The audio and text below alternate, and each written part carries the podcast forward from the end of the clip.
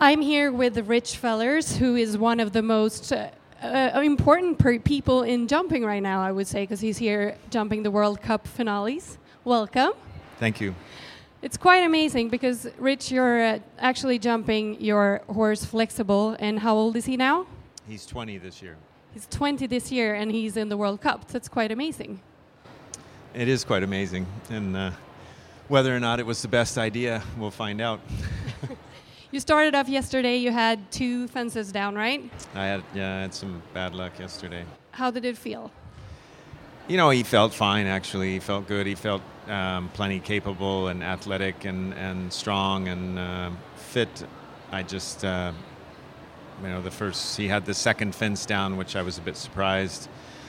And then, uh, then I was, I was a little bit rushed, feeling the pressure of having that early rail and trying to be a little quick quicker maybe than I would have uh, had I not had the rail, and um, I made a, a, bit of a mistake to the last fence, so that was that was on me. Okay, but you've had him since he was six, I think. Yes, my sponsor bought him at the end of his six-year-old year. Did you know when you got him when he was six years old that you were going to be riding here uh, in a World Cup finale and everything that you've accomplished with him so far? I had no idea. Uh, I didn't. Uh, no, I didn't anticipate that he would that he would make it this far in the sport. Really, I, um, you know, I thought he was a very athletic horse and very talented, but he was small, and um, I, I, just uh, I wasn't really expecting him to be a meter sixty horse at that stage. A meter sixty. That's about how tall he is. Actually, he's sixteen hands. That's about 163 centimeters, I think. Okay. So that's quite small. I think that's quite small, but um, yeah, nowadays there's plenty of small horses that have had uh, huge success in the sport, so it's not it's not that unusual. Well, maybe size doesn't matter. Maybe it does, or it doesn't. Maybe it doesn't matter. No, I don't think so. No. Uh, well, he's had actually three major injuries. He has had three yeah, major issues, injuries. Uh, I mean, two, two of them were were um, vascular issues. Um, some a blockage in a vein, the main vein that drained his right front leg. Um, that was very very unusual issue and very difficult to diagnose. I think we were over a year just figuring out what the problem was, and then. Uh, a couple years later, he had a, a serious injury where he had a fall in a paddock and uh, fractured his scapula and damaged his um, the suprascapular nerve that goes over the top of the scapula, and that was that was very significant, and that looked like that was going to end his career. Um, and he overcame that, and then uh, just uh, less than a year after he won the World Cup finals in uh, Holland, he had um, another vascular issue where he, um, he started cramping up and going very lame on his right hind leg during exercise, and uh, that was actually much quicker and easier to diagnose since we'd already had vascular issues. It was the the symptoms were were easy to recognize because um, he'd come out of his stall sound and he'd go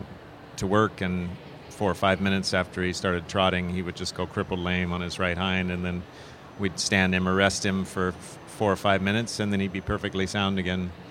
So um, yeah, they, they ultrasounded the, the right hind limb and, and the the aorta, which feeds all the blood to the hind end of the horse, was partially blocked on that side going to the right hind leg, and then um, the femoral artery was completely occluded, and uh, the internal iliacs were blocked. He just had very little blood going to his right hind leg, and uh, from all these blood clots, and that was, according to the experts, that was going to be the end of his career, and we could uh, lay him down and do a five and a half hour surgery and uh, remove some of the clots, but they couldn't access all of them. And then hopefully he could have uh, comfortable retirement was the diagnosis. And, uh, well, he's not retired now. No, he's not. And they did say that you know part of the treatment after the surgery would be uh, a blood thinner, and uh, I, my wife and I talked about it and talked with the owners and said, you know, I don't think a five and a half hour surgery for a 17 year old horse is really fair. I think there's a good chance he won't even survive. And uh, we said, why don't we just put him on blood thinners and see what happens? And it worked. It did.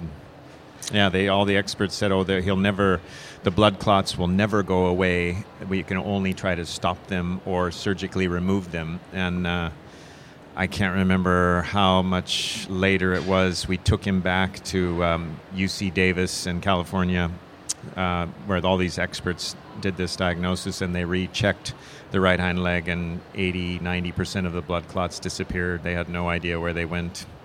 That was quite a miraculous recovery, one would say. It, it was, yeah, yeah. So that was. And now you're back here. Uh, where actually you rode your first World Cup with Flexible, right? In 2008. Correct. Right. You were placed second. Yes. What are your hopes for this World Cup? Well, I just I'm trying to scratch my way back up from the basement here after yesterday's round, and uh, hopefully, you know, have a good round today. And and uh, if he's sound and, and healthy and, and feeling well on Sunday, then uh, finish up on Monday, and you know, hopefully work my way back up. Did you have any doubts traveling with him now? Because he's he is 20 years old, and it's quite it's on the other side of the ocean. It's it's a far way to travel. Did you have any doubts coming here? Well, he's always been good a good hauler, a good traveler. I think um, a lot of it has to do with he's uh, he's a very good drinker. He drinks a lot when he travels. In, in fact, he usually he drinks more. I think when he travels than when he's just at home. So um, I wasn't too concerned and uh, now you're here and he, he has actually it's uh, simmered out a bit but he has quite a special style on the course he shakes his head a lot and he's he has some attitude has he always been like that or uh, oh he's always been like that did you bring it's, it out of him no it's it's gotten much better over the years but um, I think it's a bit of a trait from his father cruising. There's uh, there's quite a few cruisings that are that are very uh, excitable and very active with their heads. And um, actually, I was talking to a Swedish gal the other day, and she was, said she had a cruising, and he's always tossing his head and a little bit the same habit. But um, that's, I, I always say if the hind legs are working, you don't have to worry too much about what the head and neck's doing. So it's easy to work around, or how do you do that? Yeah, he is. He's very pleasant to work around, and, and uh, yeah, very simple now. He was much more complicated when he was young.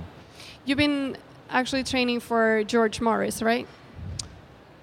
Or I, with him? I or? ride in his clinics once a year. Okay. I have since I was like 16 years old.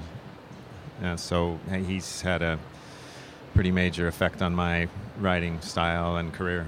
He was actually in one of our uh, stables last year in Flyinge having a clinic, and he told us that all the Swedes need to pick their hands up and ride the hind legs. So maybe that's what works for you in flexible, not caring about the head and just going from the hind legs.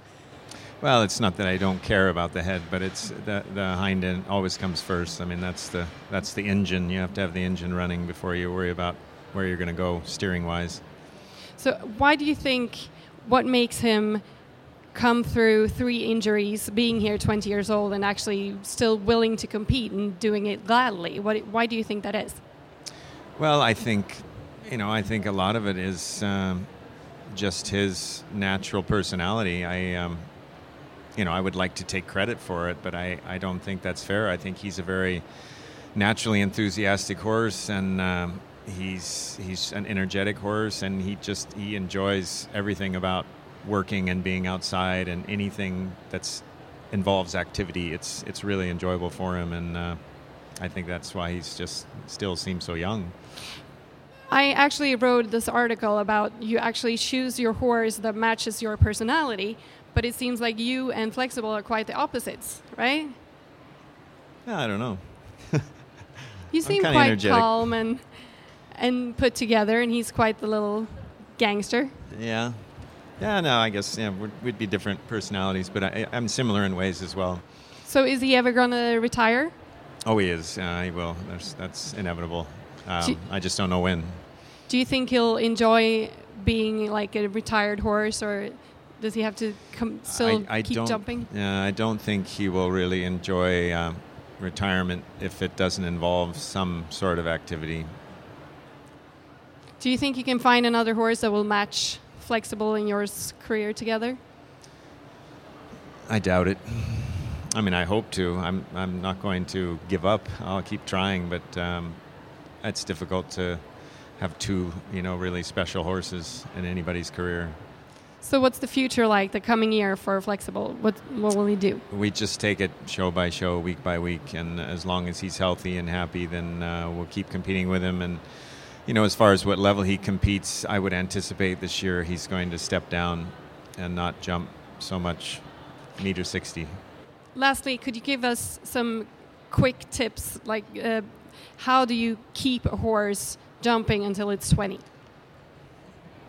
Well, I think um, there's not really any quick tips or simple tricks. You know, I just think um, basic horsemanship and, and just good care and, uh, you know, good consistent fitness and flat work, um, minimize the jumping,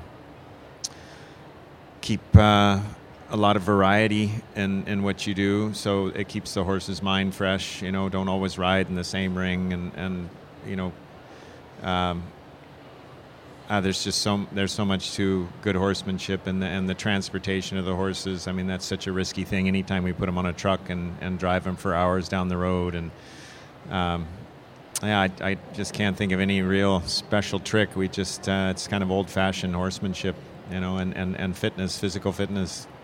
One last thing, I heard, I read somewhere that you pull his shoes during winter.